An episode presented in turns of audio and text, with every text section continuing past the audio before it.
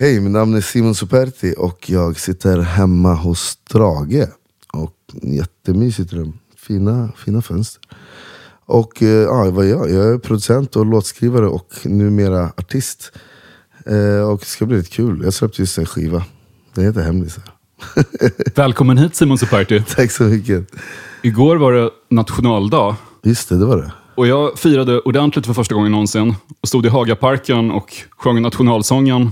Åh, Då kom trevligt. jag att tänka på en gammal låt som du har producerat. Vilken då? Med texten I lilla landet du gamla du fria, bättre hålla käften och åka på en tia. Uff, det där måste, låter som ZE. ZS Min penna blöder. Jävlar. En av mina favoritlåtar med sentida rappare. Just det, den låten, den är underskattad tycker jag. Den är fet. Jag borde kanske ha frågat ZE om det här, men vad betyder egentligen åka på en tia? Åka på en tia, ja det är för tio år. Jaha, för jag, jag googlade och läste att TIA var en förkortning för transitorisk kemisk attack. Alltså en övergående syrebrist i hjärnan. Ja, ja, det, Så jag tänkte att det var det, det var nog, som- det var nog det han tänkte på. Nu när jag tänker efter så var det det att, att, att han kanske åker på en syrebristattack. Exakt. M- mycket mer troligt. Men du har producerat alla möjliga rappare förutom ZE. ODZ, Danny M, du har jobbat med New Kid och du fick en Grammis 2019. Ja, Årets producent. det fick jag fan. Eh, ja, det var, det var många rappare det året och åren innan dess. Också år, det året som kom. Eh, men ja, det gjorde jag. Det, det, jag, brukar, fan, jag, jag tror jag gjorde en låt i alla fall med dem. Det, det är några få, jag saknar Ayo. Ayo hade jag velat. Dogge har jag inte heller gjort något med. Har du jobbat med Ayos son? Ja, Trife. Trife. Ja, jag har släppt, släppt med honom och Sigge. Och, och så har vi gjort grejer som inte har släppts heller. Men har du försökt få Ayo att göra comeback? Genom hans Alltså den känns, ju, den känns ju, jag känner inte dem så, så den känns ju känslig. Men det hade ju varit en dröm. Att få prodda Ayo, kom igen. Ja, ja. Det är lite roligt, han gjorde egentligen bara en skiva, eller ett album, och sen ett andra album som aldrig släpptes. Som jag har hört att folk har hört, men som inte alla har hört. Det är lite en Wu-Tang-grej över det där. Ja, eller det kom en singel först som hette Det spökar. Okej? Och tanken var att han skulle nå en lite yngre målgrupp kanske med Det spökar. Och sen, ja, vad hände med skivan? Den, Det det gick historier om att det låg tusen ex av det här albumet på Bananrepubliken, Petters egen etikett på, på BMG, som det hette på den tiden. det.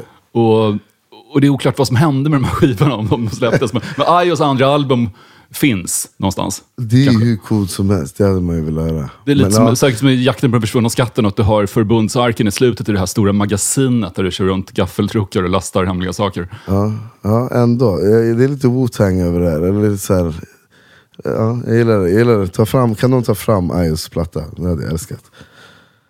Du gav ut ditt första soloalbum redan 2018. Det hette Prodotto. Ja, jag, vet inte, om jag, alltså, jag ser det här som mitt första soloalbum, Hemlisar. Men ja, det gjorde jag. Jag släppte en Prodotto. När var det? 2018? Så länge sedan. Eh, ja, jag fick ett skivkontrakt av, eh, av Amuse. Eh, från ingenstans. De var ju jätteinne på algoritmer och grejer. Och jag hade ju aldrig en, släppt en låt så riktigt.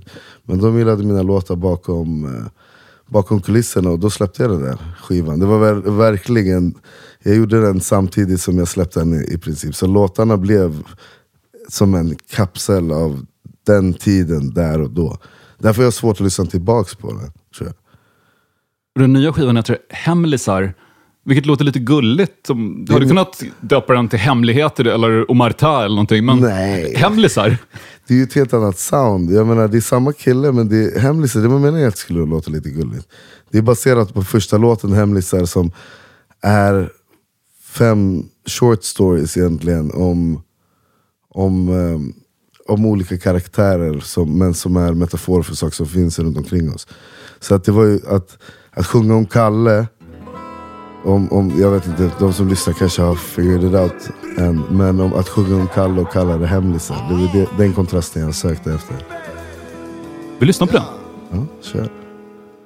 Jag ska berätta om Lena, det var en dam där i min trakt Hon fick grabbarna skeva, hon är kartan utan skatt Hon var polare med farsan, men med sonen fick hon napp Och när pojkarna bråkade, ja fy fan då gick det snabbt alla fastnade på Lena, Lena fastnade ej på någon Hon gillar viska i ditt öra tills du fastnar på en gång Utan att du märker av det sjunger du på hennes sång Så blir du kär i Lena får hon dig att gå för långt Okej!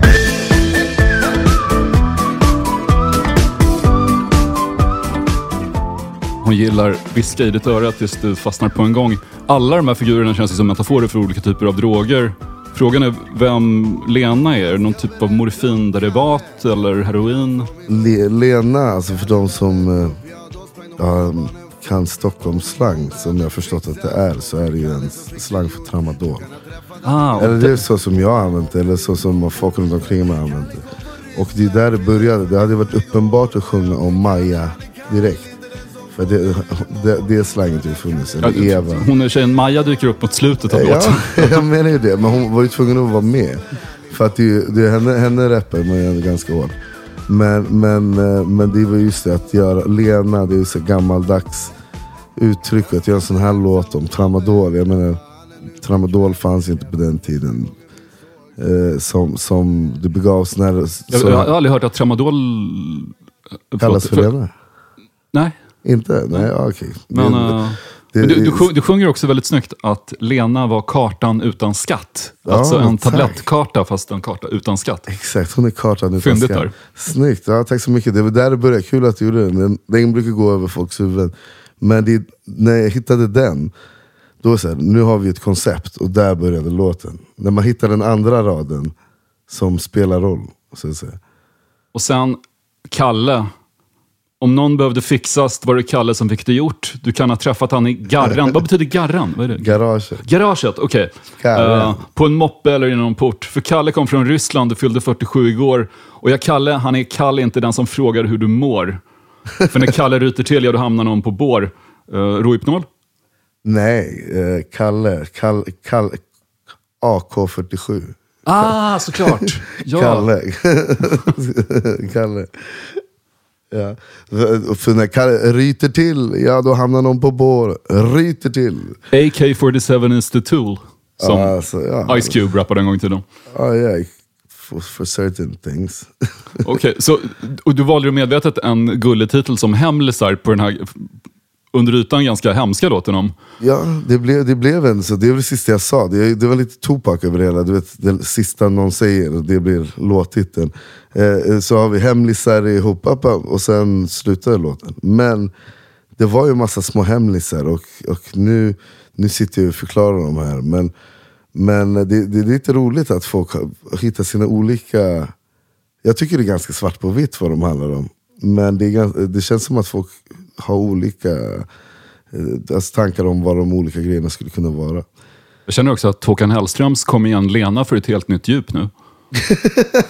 Ja, kanske. Alltså jag menar det. Vadå, man kanske borde sampla Eller, eller honom. på Grågefeldts Dingelinga Lena. Exakt. Kanske, det var, kanske de var före sin tid. Det är det det var. Men hemlisar och hemligheter. Märker du ibland att du avslöjar saker i texterna som du kanske egentligen inte hade velat berätta om dig själv? Alltså det händer ju hela tiden. Men jag står alltid inför ett val när jag gör personliga låtar. att Det bästa för låten är det bästa för låten. Och vill jag höra det i låten, då får jag vara så här, är jag, är jag beredd på att dela med mig av det här? Och 9,9 gånger av 10 så brukar jag göra det. Men det är verkligen, det är som att, det är som att du vet, vara ärlig med sig själv. Och samtidigt som man, samtidigt som man ehm, vet, om jag kan stå för allt det här i låtar, men då, då, då är jag ren. Så att säga. Jag rensar mig. Det är ingen som kan säga någonting när jag har sagt det själv. Och mår du bättre när du har rensat dig? Alltså först nej, men sen ja. Och sen glömmer jag bort att jag har sagt det i en låt. Och så kommer någon med något personligt. Och så förstår jag inte hur de vet. Fast, fast jag har sagt det i en låt. Så blir jag lite paranoid och tänker, hur vet du det här? Minns, minns du några sådana tillfällen? Nej, alltså, ja, alltså. Det är svårt att säga, men, men, ja, men det är svårt att säga. Det är svårt att säga eh, faktiskt, på rak arm. Eh, men, men jag vet att det har hänt, absolut. Du verkar ha lyssnat en hel del på svenska trubadurer som Fred Åkerström och Cornelis Vreeswijk. Hur upptäckte du dem? Det, det, det värsta är att jag har inte gjort det. Fred, Fred Åkerström. vet jag inte, alltså, jag är skitdålig med namn, jag, vet, jag borde veta vem det är. Och jag har nog lyssnat på somliga gå med trasiga skor och typ där, brev, vad heter det, brev från kolonin kanske jag lyssnade på bara när man var liten. Men, nej, jag är verkligen inte uppväxt med en bakgrund av att lyssna på trubadurmusik. Allt det här om Nationalteatern och, och eh, Cornelis som jag har jämfört med innan. Alltså, självklart har jag hört Cornelis men men jag har inte vuxit upp med det. Jag, vad sa att han hette? Åker... Fred Åkerström. Ja, jag Han är borde- väl mest känd för, han gjorde en cover av en gammal eh, amerikansk låt som hette I give you the morning. Jag ger dig min morgon. Det borde jag ju Någon- hålla koll på. Stor hit. Men han var inte riktigt lika känd som Cornelis. Han söp lika mycket. Ja men alltså det är väl det jag relaterar till. Nej men jag skojar. Men, nej, men jag, jag, alltså, hela grejen är ju det att Faktiskt, när jag gjorde den så skojade vi med ackorden och, och vi kom en och, och formatet passade mig. Och jag inser att den, den låten kan jag göra vare sig jag är hes eller inte. Alltså jag kan, den låten kan jag alltid riva av och det tilltalade mig som fan. Och sen efter det så har jag väl gått in på så som jag skulle uppfatta en, en visa. Mer än att jag har en så här lång erfarenhet av att lyssna på trubadurer överhuvudtaget. Du nämnde faktiskt det i Nöjesguiden att du sa så här att det är enklare att sjunga än att rappa eftersom citat, det här kan jag göra hur full och hur hes jag än är. Haha, rappa är skitsvårt, speciellt när man är full och hes. Men sjunga så här, det kan jag alltid bröla ur mig. Ja, de, flesta, de flesta rappare skulle nog hävda att det är precis tvärtom. Att, Nej, men, och just hemlisar, alltså det, inte sjunga, typ, inte så här stå och sjunga någon ballad, men just det här, um, det här um, Cornelis-prylen, alltså, eller som jag är i Stockholm också. Det får jag alltid till på något sätt. Jätteskumt. Varför vet jag inte.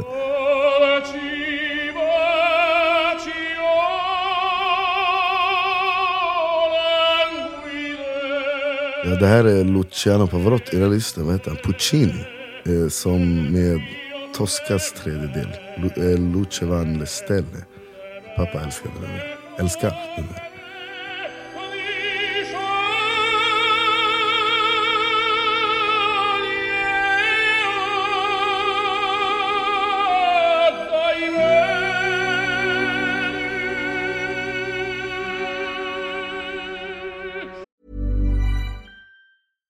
Hiring for your small business? If you're not looking for professionals on LinkedIn, you're looking in the wrong place. That's like looking for your car keys in a fish tank.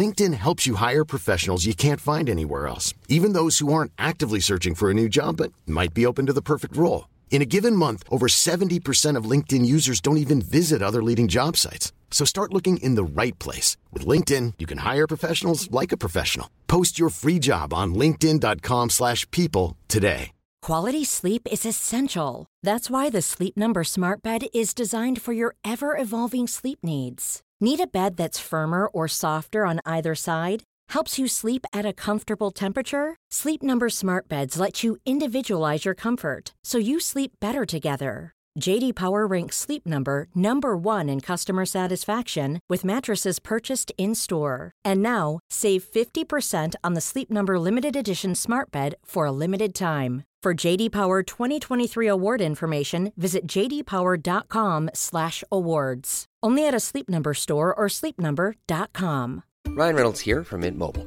With the price of just about everything going up during inflation, we thought we'd bring our prices down.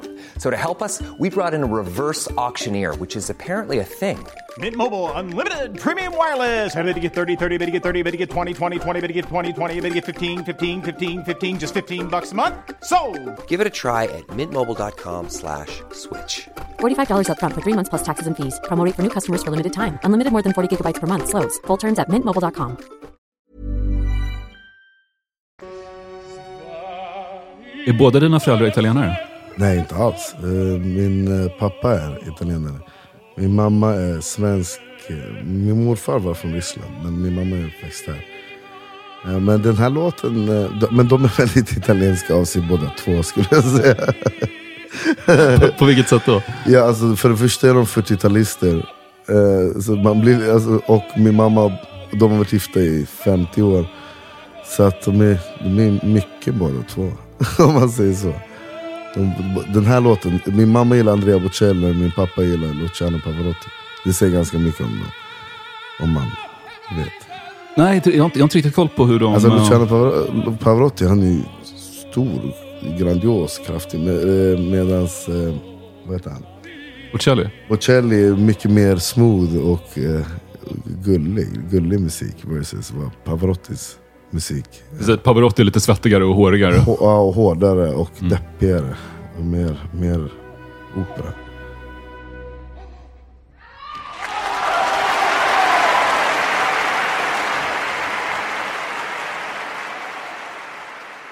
Hur träffades dina föräldrar?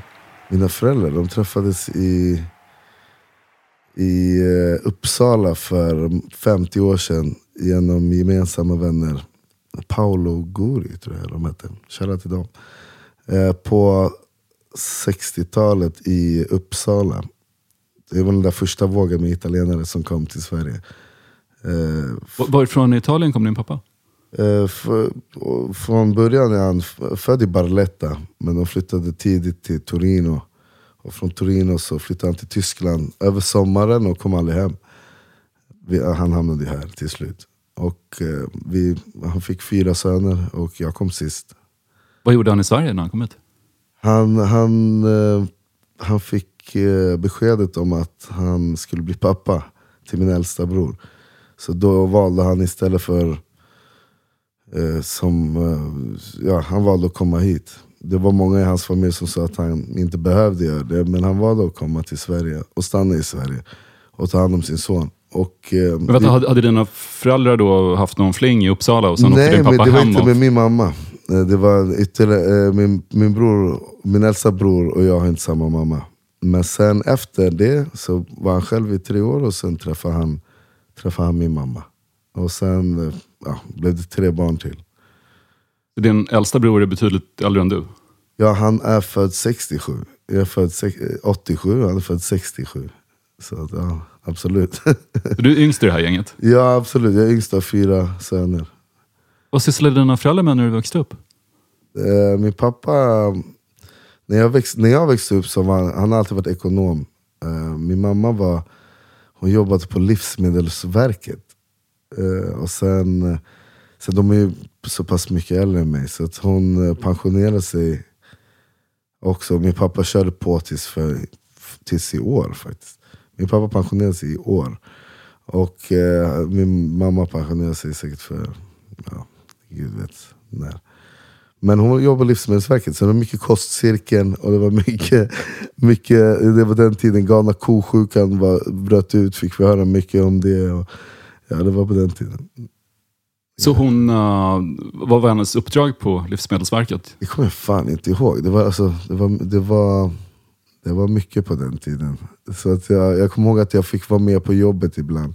För jag var, jag var ungen sist på dagis. Så, och jag var så pass mycket yngre än mina föräldrar. Så jag var inte så insatt i vad de faktiskt gjorde eh, på deras jobb. Jag vet bara att jag fick hänga med där. Pratar ni italienska något hemma? Nej, över, över mitt huvud kanske. Över mitt huvud. De, de var grymma på att prata italienska när, när vi inte skulle förstå. Det gjorde så att vi lärde oss som fan, men det blev svårare att prata. Men, eh, och, och när, och när, när, vi skulle, när vi skulle göra oss förstådda bland folk snabbt, kanske vi snackade italienska. Men min mamma var mån om att vi skulle ha bra svenska. Det är inte så konstigt eftersom vi är födda i Sverige. Men. Hur var det att bo i Salabacke där du växte upp? Ett område öster om centrum i Uppsala. Salabacke när jag växte upp, det var jättegulligt. Det var, det var mysigt.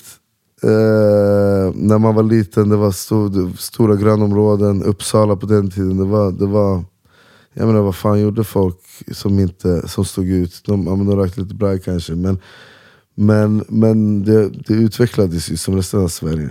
Det, men när vi var små, det var jättenice. Det var gamla, jag brukar säga att jag är gamla, gener- den sista generationen av det gamla Sverige på något sätt. Det där gamla mysiga, det, det som vi faktiskt pratar om fortfarande. Det som inte finns kvar längre. Det, det var min ungdom. Generationen efter mig och, och de som kom efter det, jag tror inte de kände av det på samma sätt. Plus att telefonerna kom. Och internet kom. Och allt sånt kom. Men, eh, men Salabacka var världens mysigaste plats när jag växte upp. Hur kom du i kontakt med musik överhuvudtaget? Wu-Tang, tror jag. Alltså min brorsa, mina, brö, mina äldre bröder hade ju all, alla sorters musikinriktningar. Eh, men, men jag kommer ihåg att de hade en hiphop-platta och det var Wu-Tang 36 Chambers. Och då var, jag 6, 7, 8 max. Och eh, jag spelade, spelade första låten, det- jag tror den börjar med Wu-Tang Clan, ain't fuck. Jag tror den, den börjar så eller? Men jag fastnade för Protect Your Neck, vilket var den som startade allt tror jag. Inspector Dex on the set. The rebel, I make more noise than heavy metal. The way I make the crowd go wild. Sit back, relax, won't smile. Ray got it going on, pal. Call me the rap assassinator. Rhymes rugged and built like Schwarzenegger. And I'ma get mad deep like a threat. Blow up your project, then take all your assets. Cause I came to shake the frame in half with the thoughts that bomb shit like math. So if you wanna try to flip, yo, flip on the next man. Cause I'll grab the clip and. Såg du Wu-Tang i Stockholm häromveckan? Ja, fy fan vad fett det var. Det var det va? Ja, alltså, jag, eller jag ska vara ärlig, för mig var det Nas som var fetast där, live. För honom hade jag aldrig sett. Nas är kanske en lite mer disciplinerad liveartist än. Wu-Tang. Även om Wu-Tang är mer skärpta nu än de var förr. Ja, jag såg dem på Roskilde för massa år sedan och så såg jag dem på den här ödesdigra Gröna Lund. Var- Hur var det? det var sämst. det var det var så jävla dåligt. Men det var kul. det är alltid kul att se Wu-Tang. Men, men var du där nu i Globen? Ja, jag har sett en del Wu-Tang-spelningar. Den första var Lollipop-festivalen i Tullinge, söder om Stockholm, 96. När de hade bokats och... eh, Till Lollipop. Den hette Lollipop. Ja, men det var väl inspirerat lite av Lollapalooza faktiskt. För att Lollapalooza fanns i USA då, så skulle det Sverige ha, ha Lollipop. Och um, de... Festivalgeneralen Håkan Maxegård fick åka ut med en attachéväska full med dollarsedlar till Arlanda och överlämna när de kom. Och så visade det sig att det var ju typ bara Ghostface Killa och U-God och Ray Kwan som var där. Överhuvudtaget. Ja, de andra hade inte fixat sina pass eller någonting. Det var jättestruligt. Och sen bjöd de upp massa folk på scen och alla var ju där och var pepp på att liksom hänga med Wu-Tang. Och plötsligt är det ADL, svensk rappare, som står och kör med Wu-Tang. Fan vad fett. Ja, men också lite, du vet, vi hade kunnat se ADL vilken kväll som helst i Stockholm. Aha, jag kan tänka mig. Så alla står där, okej, så här, får vi höra Wu-Tang nu då?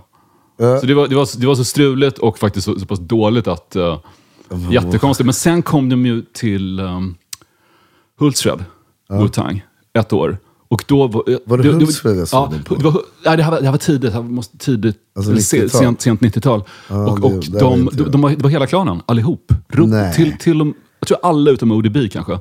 Och då hade de ju en orgie bakom scenen som eh, folk fortfarande pratar om. ja, de hade, de hade så mycket sex med... Bakom scenen? Ja, bakom, eller ganska öppet. Alltså alla Och- bara höll på med alla där. Ja, men och de var Det väldigt, de var väldigt noga med att skydda sig också. Var, de hade verkligen med sig, det var en massa använda kondomer efteråt, på marken, Alltså, överallt. det känns jävligt Wu-Tang. Men alltså hur många var de från början? Nio? Minst. Sen fanns ju Wu-Tang Killa Bees. Ja men tänkte, så de är minst 15 rappare överallt. Wu-Tang Killer Bees. Usch. Vadå, var det en grupp? Men uh, Method Man var väl inte med nu, eller hur? Nej, Han, det, han, struttar fortfarande i om... Om det är värt det. Precis, han, han, han bara, ah, orkar Ja. inte. Nej men Nas var helt sjukt. Det var fan eh, flippat hur de hade gjort det ändå. Att, att, få se, att få se eh, New York State of Mind samtidigt som Protection Neck i Stockholm. För mig, som inte brukar gå på spelningar. Det var ändå riktigt fett. Men, ja, har, har du några galna, galna Nas, Nas eh, konsertminnen? Nas är så här, när ser man honom egentligen? Såg honom på Berns en gång. Det var svinbra. Var- Han hade just gett ut Made You Look. Eller vad, vad heter han? Fett. Ja, Major Look. Major Ja. Look, fantastisk. Men, ja, men han är ju inte, han är inte galen på det sättet. Han sp- spårade ju bara ur när han hade sin beef med Jay-Z. Kommer du ihåg det? Jo det är klart, jag växte upp på den. Jo, men och när, när han under en spelning tar med sig en, um, uh, en galge Okej. för att han ska hänga en Jay-Z-docka på scen. Och då säger folk, men Nas, du, du, kan, du kan inte hänga en docka så att det blir så här lynch-vibb på scen. Det, det, är, inte- det är inte okej, no man, liksom, så här, backa. Liksom. Du, du kan inte... Känns inte riktigt som honom, men det var så här Nej men så 90-talet. grovt. teatraliska grejer. De gjorde ju sådana saker. De hängde ut varandra på Hot Night. Alltså, jag önskar att jag hade levt den perioden lite. Alltså, om, att få vara med i vuxen ålder, 90-talets hiphop, det hade, varit, det hade varit något för mig. Har du jobbat med många amerikanska rappare? Nej, alltså inte, inte så många som jag vill. Jag hade en fett flummig session med Dave East när han var här efter någon spelning. Och, eh, och eh, träffade hans, eh, det började, alltså, två av hans crip-polare satt och, satt och rökte blunts och tog fram Baxade Beats till, från youtube.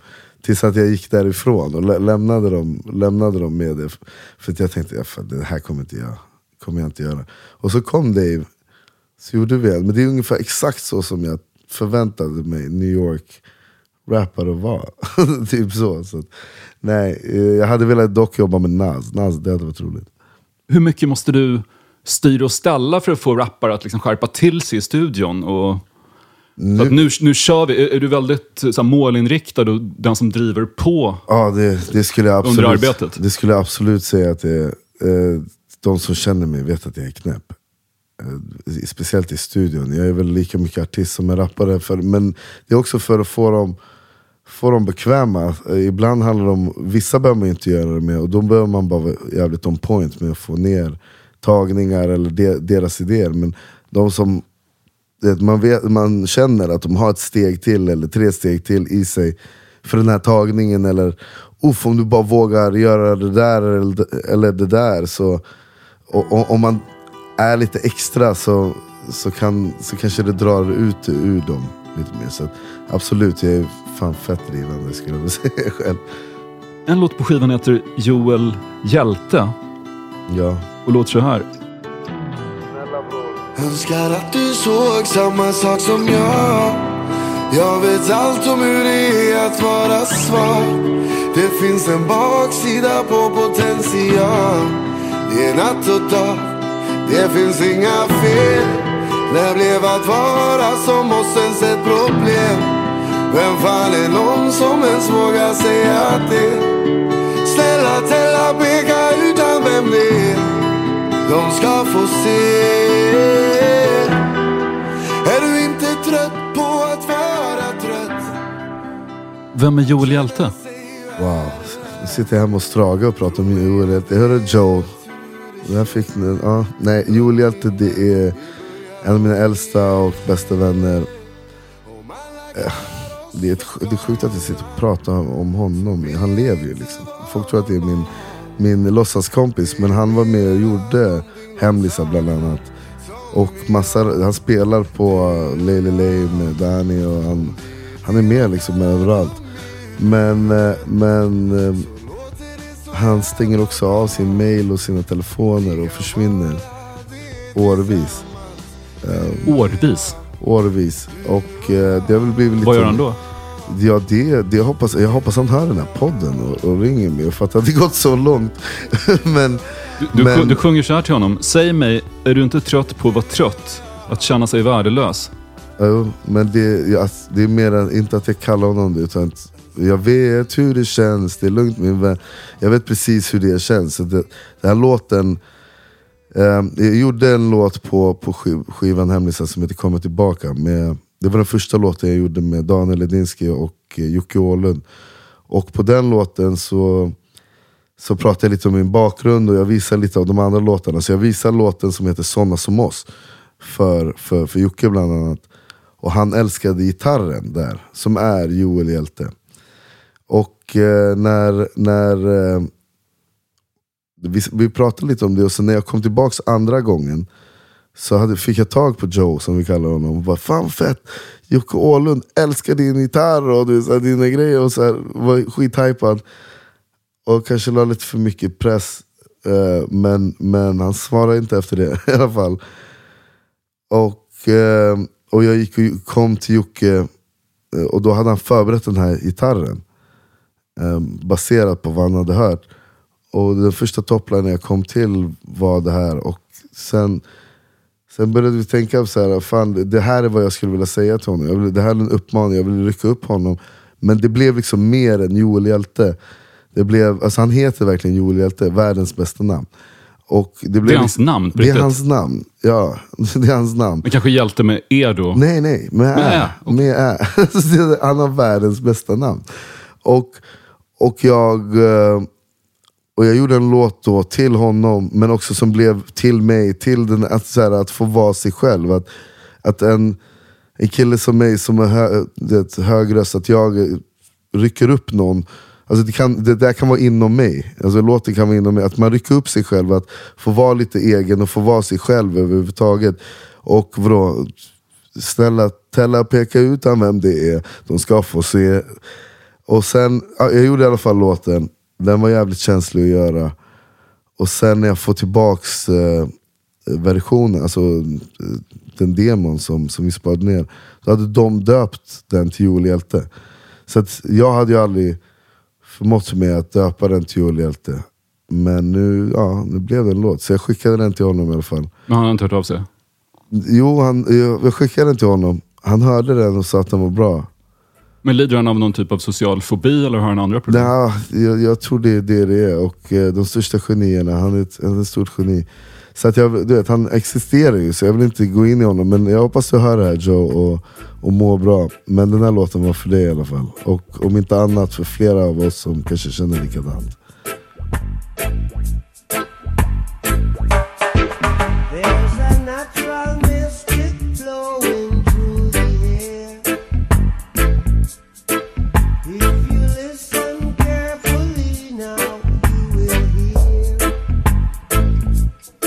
Ja, det här är ju Bob Marley med Natural Mystic. Också den låten på frågan om du skulle få välja en låt att ta med dig till en öde ö, så hade det varit den här.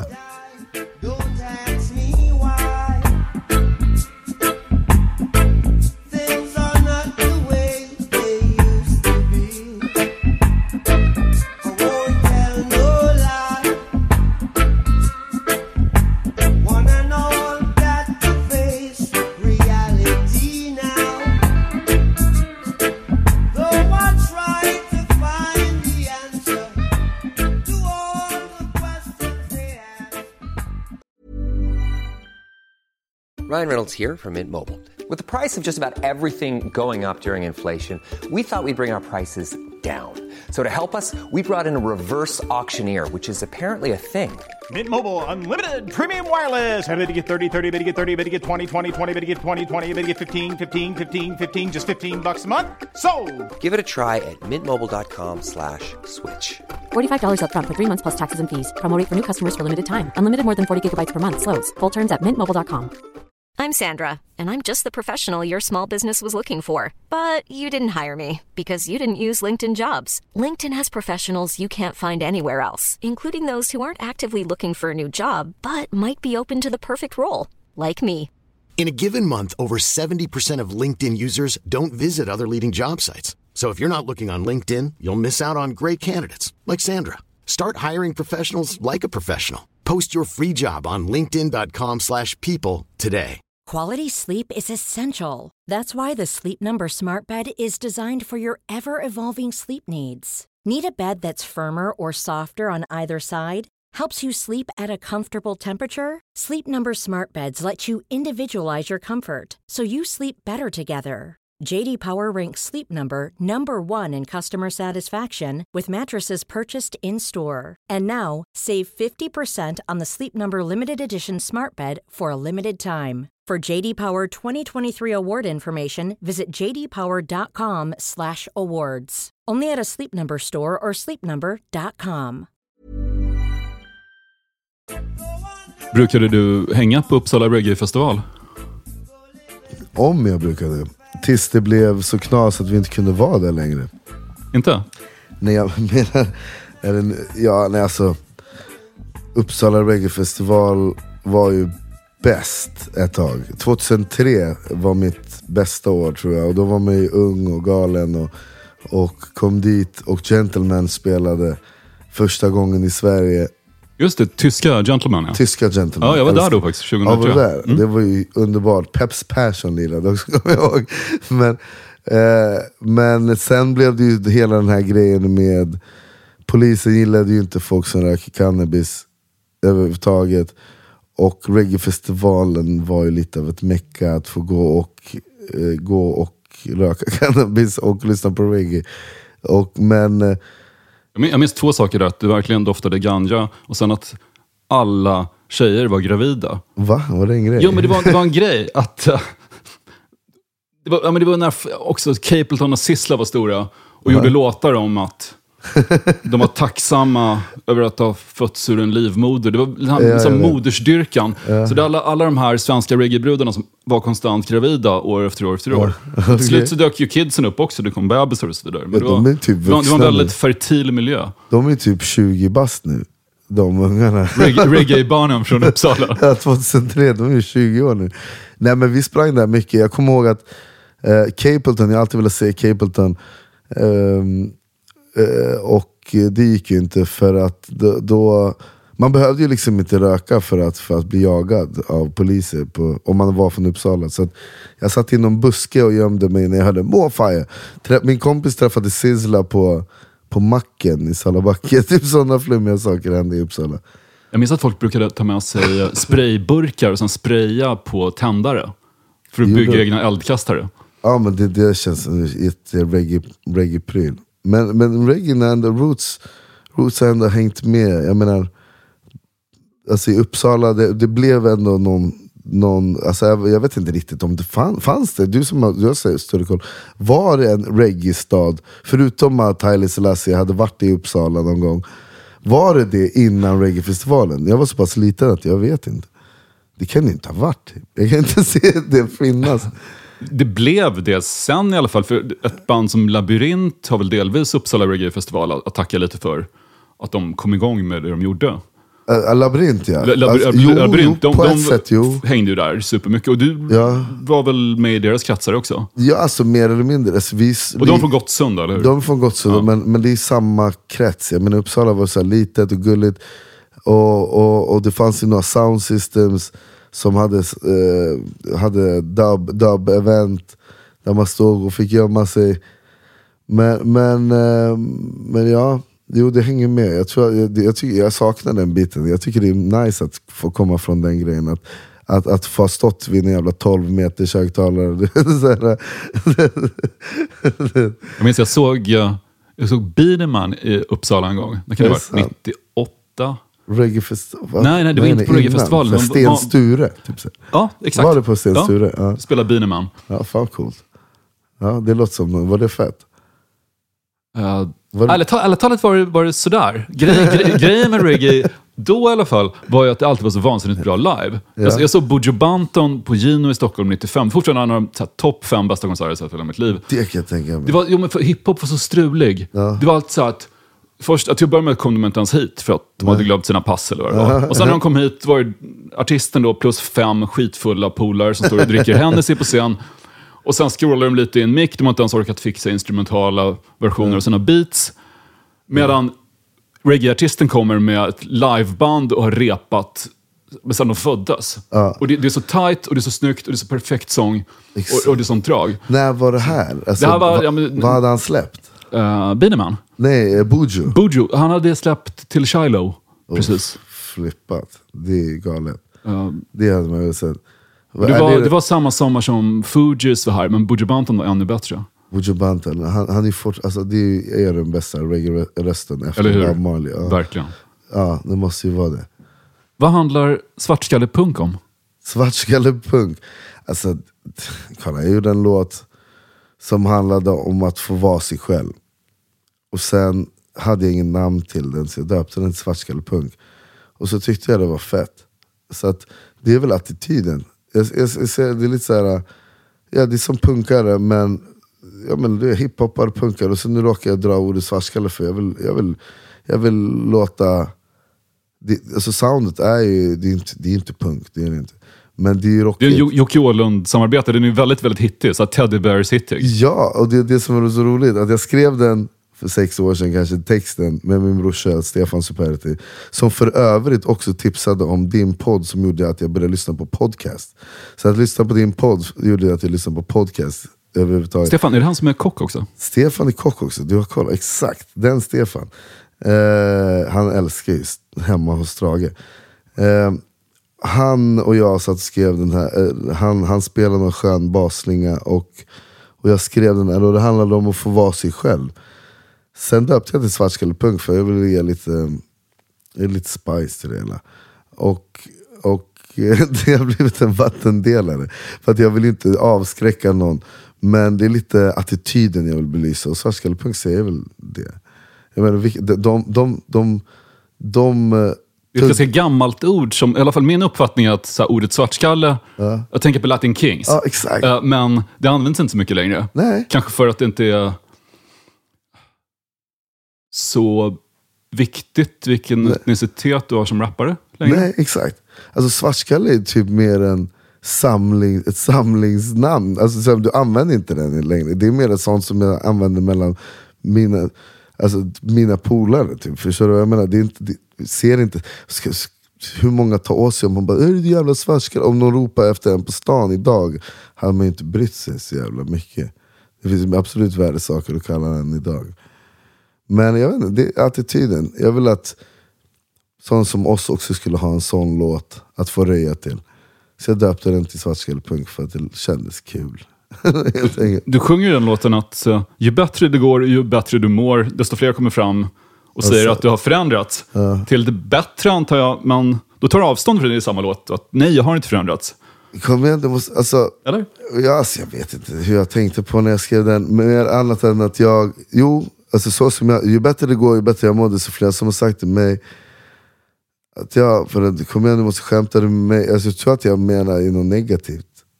Att jag skulle förändras till något annat än, än vad jag är. Och det tror jag aldrig kommer ske.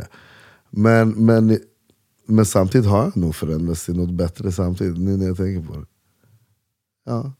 Och första låten, Exakt som er på skivan, verkar handla om att du också är, du är samma person som förr, trots att du dricker Boulanger och äter kaviar.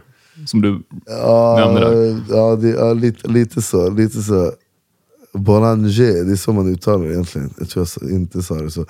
Nej, Och så ja, men den Bo- låten... Bo- Bollinger. Bollinger. Bollinger, Bollinger. Jag borde veta det här.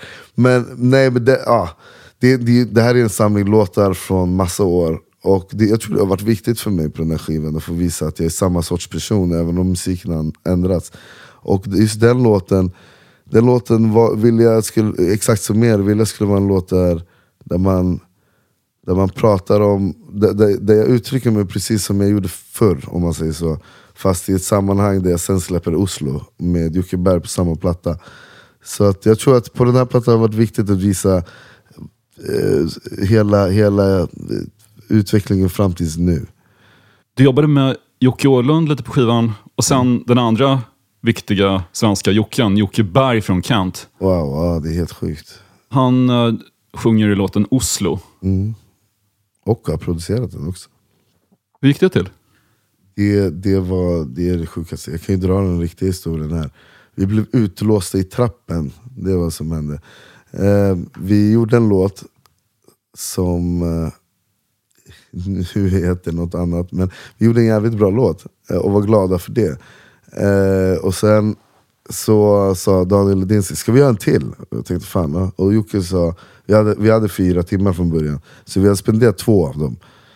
Och Jocke bara, men jag måste dra om typ två timmar. Och då tänkte jag, det är klart vi gör det. Så spelade han någonting, vilket var de här ackorden. Fort som fan hoppade vi in. Och, och jag hittade en topline och det var den jag gjorde- det, det som finns på låten nu var typ det första vi gjorde. Kom på texten fort som fan och slängde in den. Och sen skulle vi bara, okej nice, då har vi en, halv, en vers i alla fall. Ska vi gå ut och ta en cigg? Och så tänkte jag och Daniel, ja det är jättebra att vi gör det. Så går vi ut och tar en cigarett varav vi glömmer våra telefoner. Så vi blir utlåsta i trappen. Och Jocke Berg, första gången jag träffar Jocke Berg, nu måste jag liksom gå och ringa på hans grannar för att, för att, för att komma in. För varken jag eller Daniel har en mobil. Och så, vet, det här var första gången jag någonsin träffade mig, så gick jag och ringde på folk som verk, inte ville öppna tills att eh, en finsk tant med sin son säger absolut, så klart som fan att vi ska göra det. Så, så går vi ner och var vi tar in hennes son och där sitter Jocke Berg. Jag har gömt sig i 15 år i det här eh, trapphuset.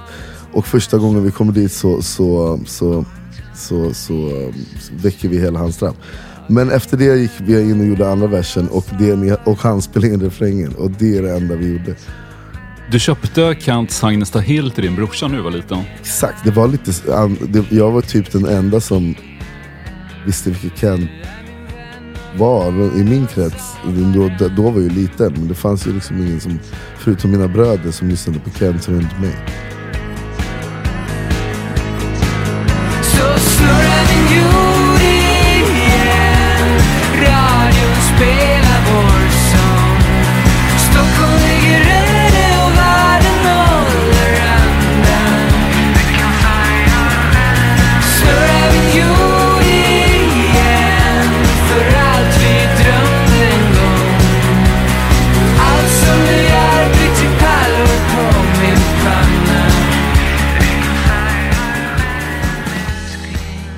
Det här är Kent med Pärlor.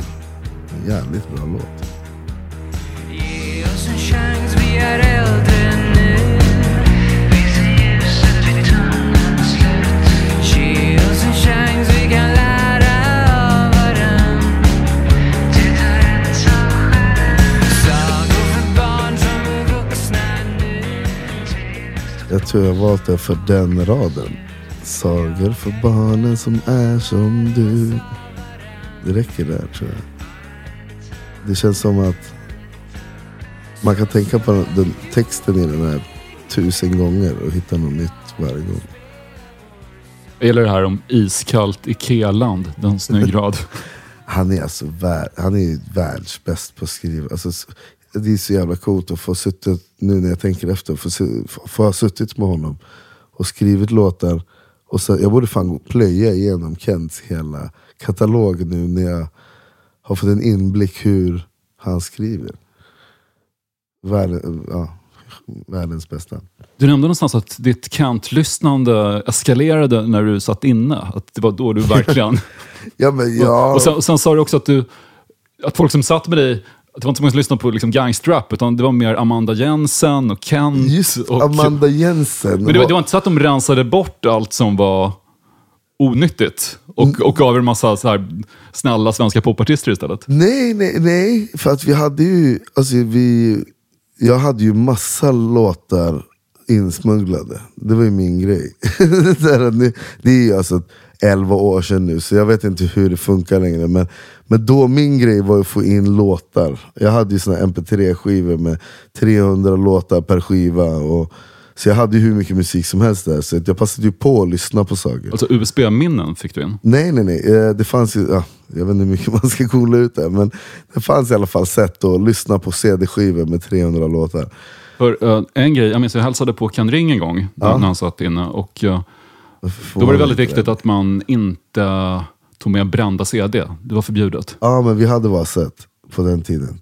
Att få in brända skivor. Men, så jag hade ju det, så att jag plöjde igenom massa olika sorts musik. Men så fanns ju den här bussen också. Så det fanns ju tillgång. Om du ville lyssna på de här låtarna så kunde du ju. Men just Amanda Jensen var så jävla kul för att det var verkligen, det var från bokbussen och det var en jävligt tuff och stor och hård snubbe som, han hade verkligen fastnat på Amanda Jensen. Och det var han gick runt och lyssnade på och han verkade må så jävla bra av det. Så det är därför jag tar det som exempel. För att, för det var så jävla random just av alla människor och den musiken. Jag kom, ja, det var glad, glad musik i alla fall. Och, och, och mycket gitarrer och riktiga låtar.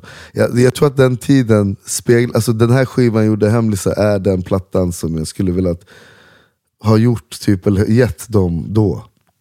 Om, om det förklarar. Det, därför är den kanske ganska råbarkad och, och, och trubbig på vissa sätt i, i sättet jag säger saker. Men det är till det, det är en skiva om mig, men det är också till för att väcka känslor hos folk som kanske inte har lika lätt till att nå dit. Då säger man det på ett hårdare sätt. Hur länge satt du inne? Nej, eh, jag fick ett år så jag gjorde åtta månader. Det var inte alls Vad, långt. vad, vad var det relaterat till? Hasch. Hasch? Ja, det, ja, tyvärr. Alltså, det, var så här, det, var inte, det var inte ens mitt... Det säger väl alla. Men det gjorde, jag tog en uh, bröstenvolta så som man säger. Och det gjorde så att jag hamnade i Stockholm. För att jag var så jävla klar med Uppsala efter det. Och Men vad ett år för hasch? Det måste ju varit ett... eh, ja, de, de ändrade, ja, det var ett kilo. ett Ja, det var ju så på den tiden, de följde tabellen. Eh, och sen gick de ner i tabell och nu ska de gå upp igen. Och så det, de, de, de väljer liksom... De, de, de, de, eh, de är lite veliga på den fronten. Men det gjorde också så jag hamnade i Stockholm och eh, kom hela vägen hit. Men hur, hur reagerade dina äldre bröder? Jag tänker, nu får jag så här fördomsfull bild av så här arga italienska storebrorsor som, som är 20 år äldre och Ja, sen alltså- lill, lillbrorsan strular till det och de blir helt galna. Ja men så var det lite, alltså, det är Ja. mer typ nu att de ska få höra det i Strages podd. Alltså, det är mer sånt de skäms över. Men, men, men, men det, var, det, det var väl så det var. Jag menar, det hände mig och det var, det var en liten period av mitt liv men som också ändrades så jävla mycket. Jag brukar jämföra det med lumpen. Men det är klart att de var sura allihopa och, och besvikna och, och ledsna. Men, men där och då fanns inget annat val, det var det som var. Och eh, jag gjorde en hel skiva på... Jag, var, jag höll mig efterlyst ut i två månader. Jag gjorde en skiva, jag spelade in 30 låtar. Släppte 18 av dem, och varav en var bonustrack som var Alte Launa, kallades den. Och där jag rappar på vårt, eh, vårt slang som vi har i Uppsala. Alte Launa, kolla brorsan Simon meka grauna. Grauna, launa, alla de här. Vad betyder det? Eh, launa, alltid lugnt betyder det. Men du får det är lyssna på den- speciell Uppsala-slang. Ja, ja, ja, för fan. Och just vi från Salabacka är extremt överdrivna med hur vi pratade den. Eh, om du keplar vad jag snackar om med svär du är launa. Du kanske, det betyder om du fattar vad jag snackar om, jag svär då är du lugn. Men jag gjorde den låten i alla fall, och den läckte någon gång när jag satt inne då. Och blev liksom startskottet. En liten, liten grej som gjorde så att jag kunde fortsätta när jag kom tillbaka. Och det i sin tur det, det, är den lilla snöbollseffekten som har lett hit. På något skumt sätt. Jag lyssnade på podden vad blir det för rap från 2017. när eh, du pratade lite om hur du och ZE möttes upp efter att han hade suttit inne. Och då sa du att när Z muckade kom han ut med två stora plastpåsar.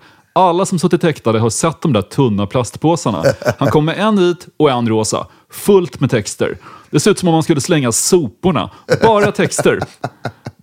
Det är sant alltså.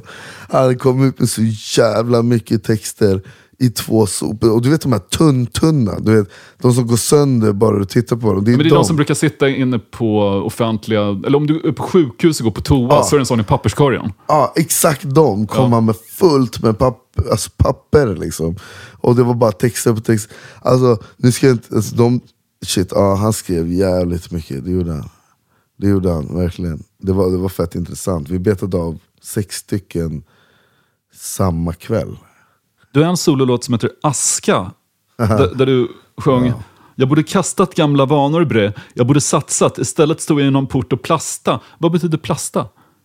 Plastade zött, eller plastade någon drog. Liksom. Eh, Och jag borde kasta gamla vanor, bre, jag borde... Exakt. Jag, alltså jag stod och plastade in någonting. Jaha, och för att sälja alltså? Ja. I, så här Det var det. Var det ziplockpåsar? Ja, det, där var, det där var min första singel hos Muse. Det var den de valde.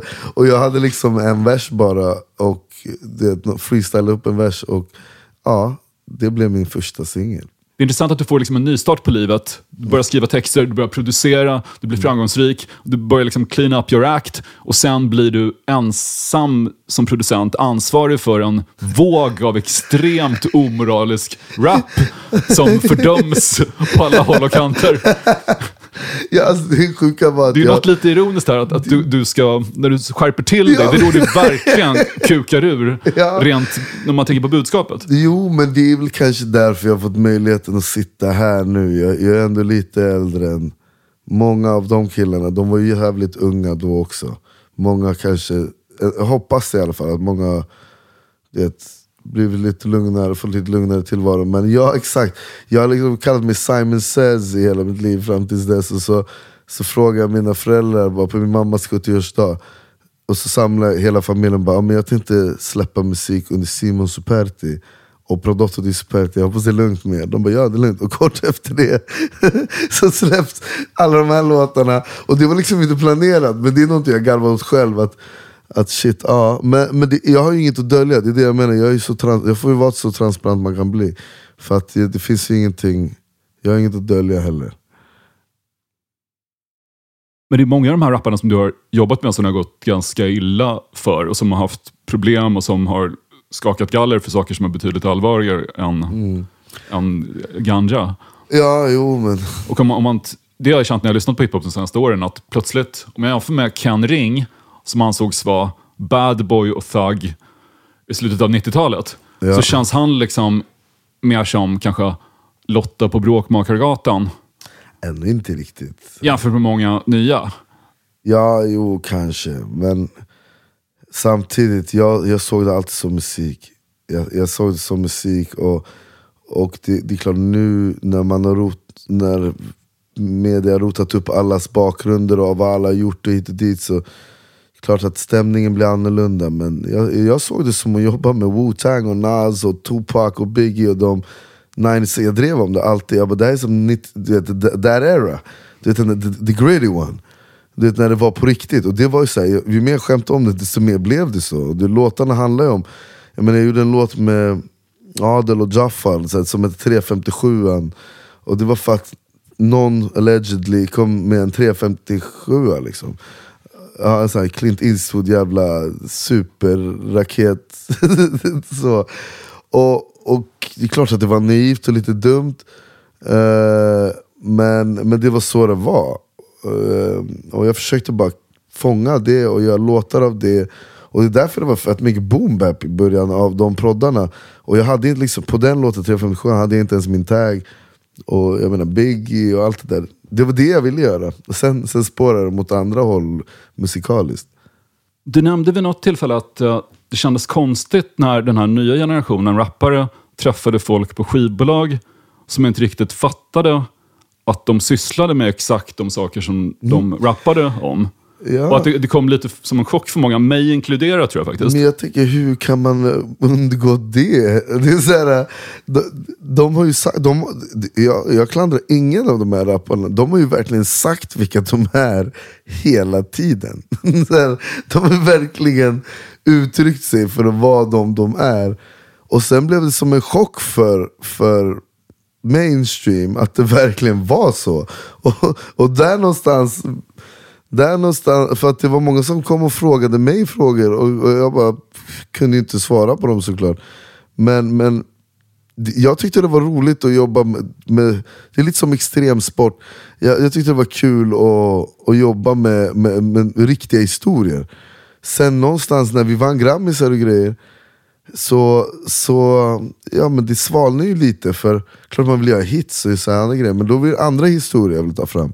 Typ som hur det blir nu med hemlisar. Eh, det, det, och att, men, men det var ju historierna jag ville åt. Och de, de, de, de måste ju ha levt de historierna för att, för att kunna skriva om dem så. Jag tror att många utgick från hur amerikanska rappare har funkat, där de har vänner som har tillhört gäng. De har vänner, de har kanske dealat droger, men de har inte varit aktiva i organiserad brottslighet Nej, men på det- riktigt samma sätt som en del svenska rappare har varit. Nej, Om alltså, du jämför med jag menar, någon som Eazy så det, det fanns ju men kopplingar till... Eazy är ju ett bra exempel för hur rapparna här är. Eazy var ju alltså, så här, var ju en gangster som började rappa. Och det är många här som... Det var ju Jay-Z också för en del. Ja, ja, men en annan form. Och, och ser man Jay-Z, man märker på hur han rappar, han vill vara rappare. det, är så här, det är skillnad.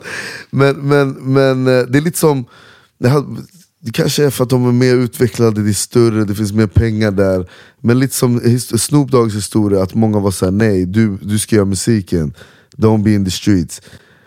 Jag hade önsk, hoppats att det var lite mer så i Sverige också. Att, och, om man såg någon talang, att, att, vet, att de kriminella eller de som är runt omkring skulle vara så här, fan det här är kanske vår väg ut.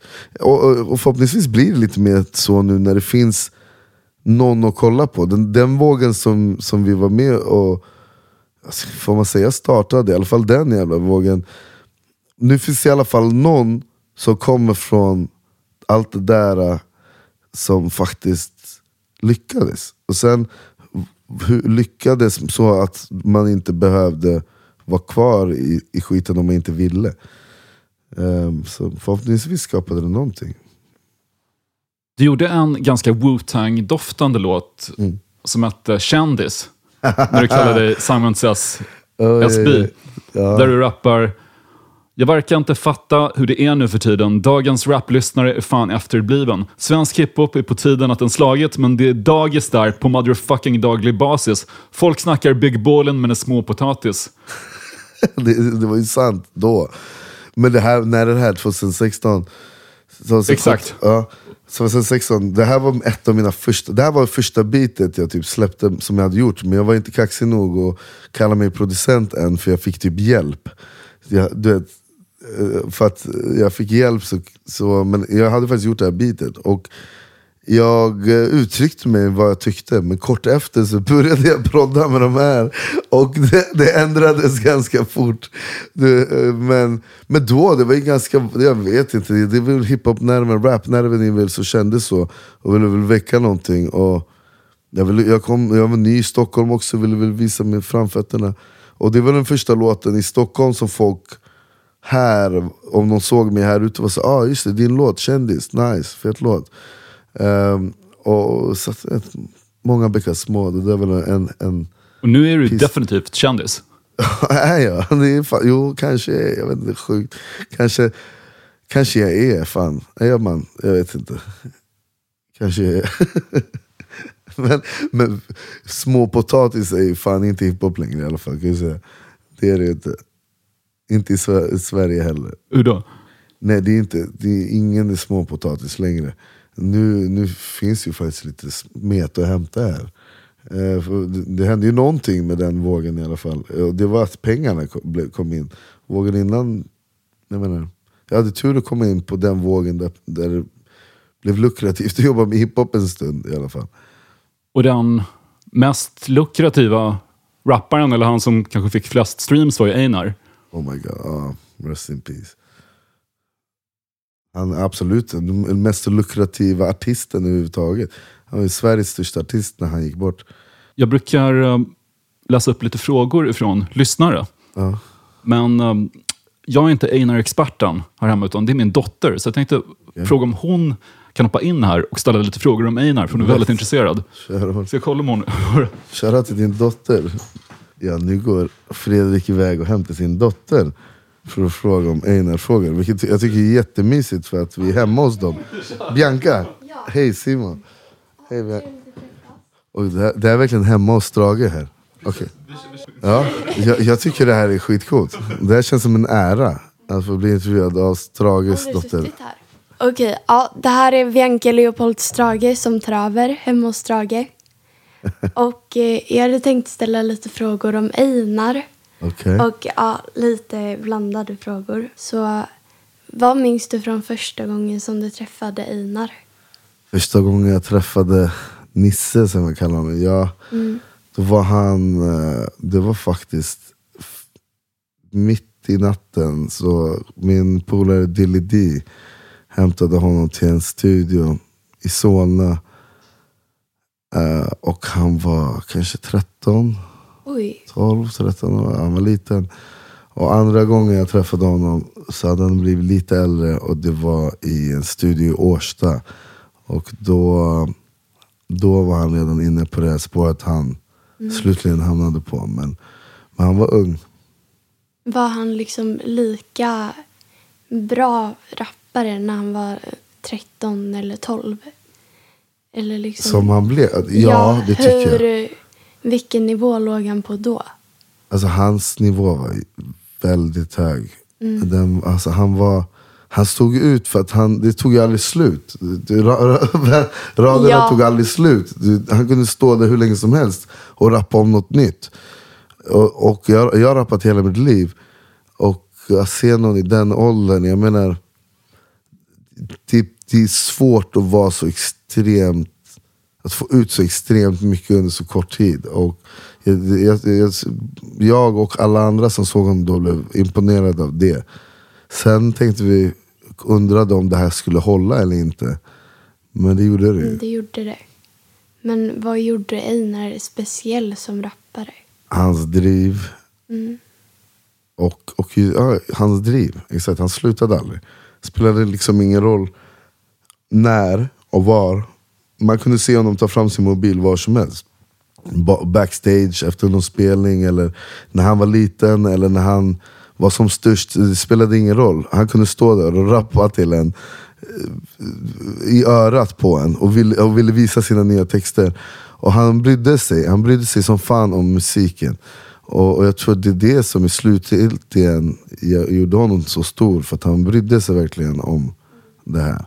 Ja, men ni släppte ju två låtar. Ja, Eh, spelade ni in några fler? vi spelade in massor med låtar. Jag har, jag har säkert 10 10-15 låtar nå, någonstans som ligger.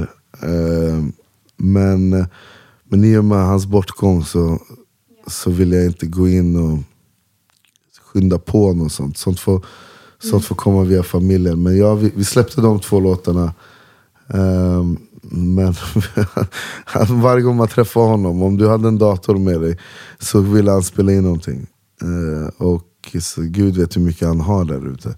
Mm. Men kommer de låtarna släppas eller kommer ni liksom Ja. låta dem vara? Ja, jag vet inte. Kanske för att jag pratar med dig nu Bianca, som jag kommer på att leta reda på var de här ligger någonstans. Och kanske höra av sig till hans familj eller någonting sånt. Men, men eh, det visar sig. Det, det är några datorer bak. Mm. Men när han dog, liksom, hur reagerade du? Jag blev absolut ledsen såklart. Eh, men när, när en så ung kille, man undrar, man undrar ju direkt om det är sant. Och jag hade så träffat honom en, två veckor, in, två veckor innan kanske. Och eh, ja, vet, det är jättesorgligt att det skulle behöva gå så där långt för någon. Um, jag menar, det är väl ett praktexempel på att musiken och gatan är inte samma sak. Man får, man får välja sina man får välja sina steg och jag tycker bara det är sorgligt att det gick så långt överhuvudtaget. Det var en, eh, det var en oerhörd talang och eh, Sveriges största artist. Ja, men flera rappare som du har jobbat med, bland annat, de har ju dömts för grova brott och kanske suttit i fängelse. Har, har de ångrat vad de gjort eller har det liksom mer boostat deras karriär? Jag vet inte. Det Mm. tror jag du får fråga dem om de har Ja. ångrat sig. Men jag menar, jag, jag vet faktiskt inte. Det är en svår, frå, svår fråga. Du är, duktig på frå, du är duktig på att ställa frågor. Det går nog i familjen. Men Mm. jag vet faktiskt inte om de har ångrat sig eller om det har boostat deras karriär. Det, det jag menar, det som hände när stackars Nisse gick bort var att och alla andra som gick bort. Det var, det var många som gick bort under den tiden. Det är för många för att nämna. Men när, men när alla de, det var en våg när många gick bort från det här gamet som vi kan säga, alltså musikgamet från, på olika sätt. Samtidigt, och det tog liksom lite luften ur för mig när det kom till svensk hiphop. När, när, när folk dog, dog lite överallt. Och vem som än gjorde rätt och fel, det vet jag inte. Men, men hur den är så dog folk. Och allt jag vill göra är att göra låtar. Ehm, och det var lite... Så, så att vad som hände efter allt det där har jag liksom inte jättekoll på. Men eh, vem tror du låg bakom mordet på Einar? wow, Ja. vilken fråga. Jag har faktiskt ingen aning och det är någonting jag aldrig skulle spekulera i. Jag är så glad att jag inte har med sånt att göra. Så att eh, vem den var kommer få leva med det i resten av sitt liv. Och, och det går åt alla håll. Eh, det är så många döda nu så, så jag vill bara hoppas att jag, jag, jag skickar mina tankar om, till familjerna och de som är kvar på alla Ja, sidor. men det var alla frågorna. Du är en duktig journalist. Alltså, hon är va, va, vass journalist. Jag svarar nog mer på det här än om du hade frågat. Tack så mycket Bianca. Ha det bra.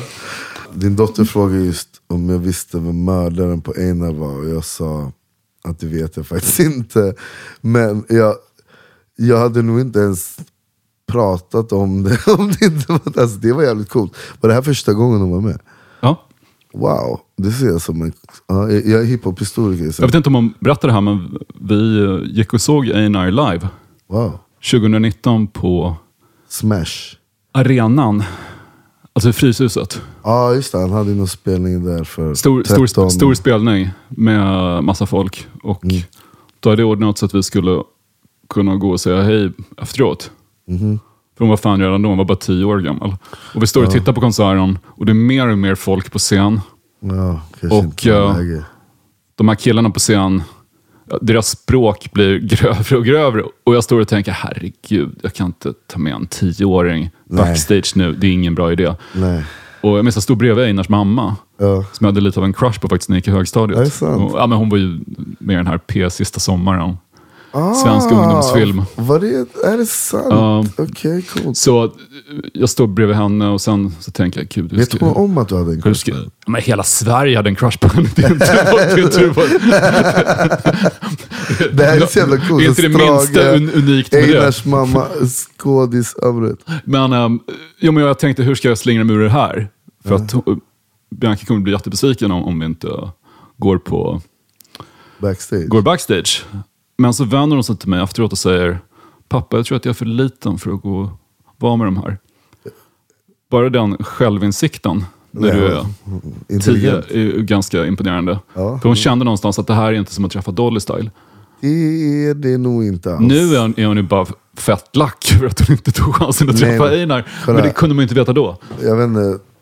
Eh, Nisse, han, Einar, han hade, nog, han hade nog skött det snyggt om det så blev. Men jag eh, tror att det, det, får, det får vara något man undrar vad som skulle ha skett. För att jag tror ni gjorde rätt, rätt val i det stora hela. Men det var mycket intressant att bli intervjuad av din dotter. Hon, hon är ju sylvass. Vi var och tittade på Einars grav här en veckan Ja, usch. på Katarina kyrka. Usch, alltså att det, det vi pratar om, att det har gått så långt. Det är så många som har dött. Nisse var Sveriges största artist, eh, men, men att, all, att, att det skulle gå så långt. Att så många skulle dö. För, för massa olika anledningar som jag inte har koll på. Men, men musiken gick ju liksom på något sätt hand i hand. Eh, och jag tycker det är jävligt sorgligt att det behövde bli så. Hör du ljudet när mitt hjärta krossas? Du verkar inte bry dig alls Vänder blicken fast det sårar mig Ja, eh, på den, eh, on that note, lyssna på Hemlis här allihopa. Jag sitter här hemma hos Fredrik Strage och har haft en diskussion om eh, toppar och dalar. Och nu behöver vi fan dra. Det är ganska neråt här på slutet känner jag. Ja, jag måste kanske lätta upp det. Tack för att du kom hit Simon Superti. Puss på er, hej hej!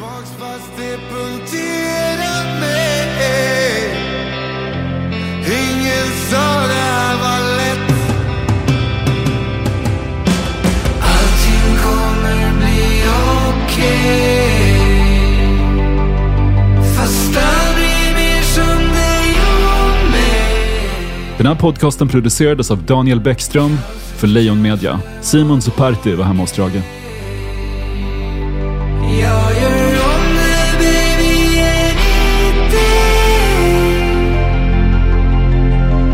Jag träffat dig i en park i Oslo Och jag blev kär på en sekund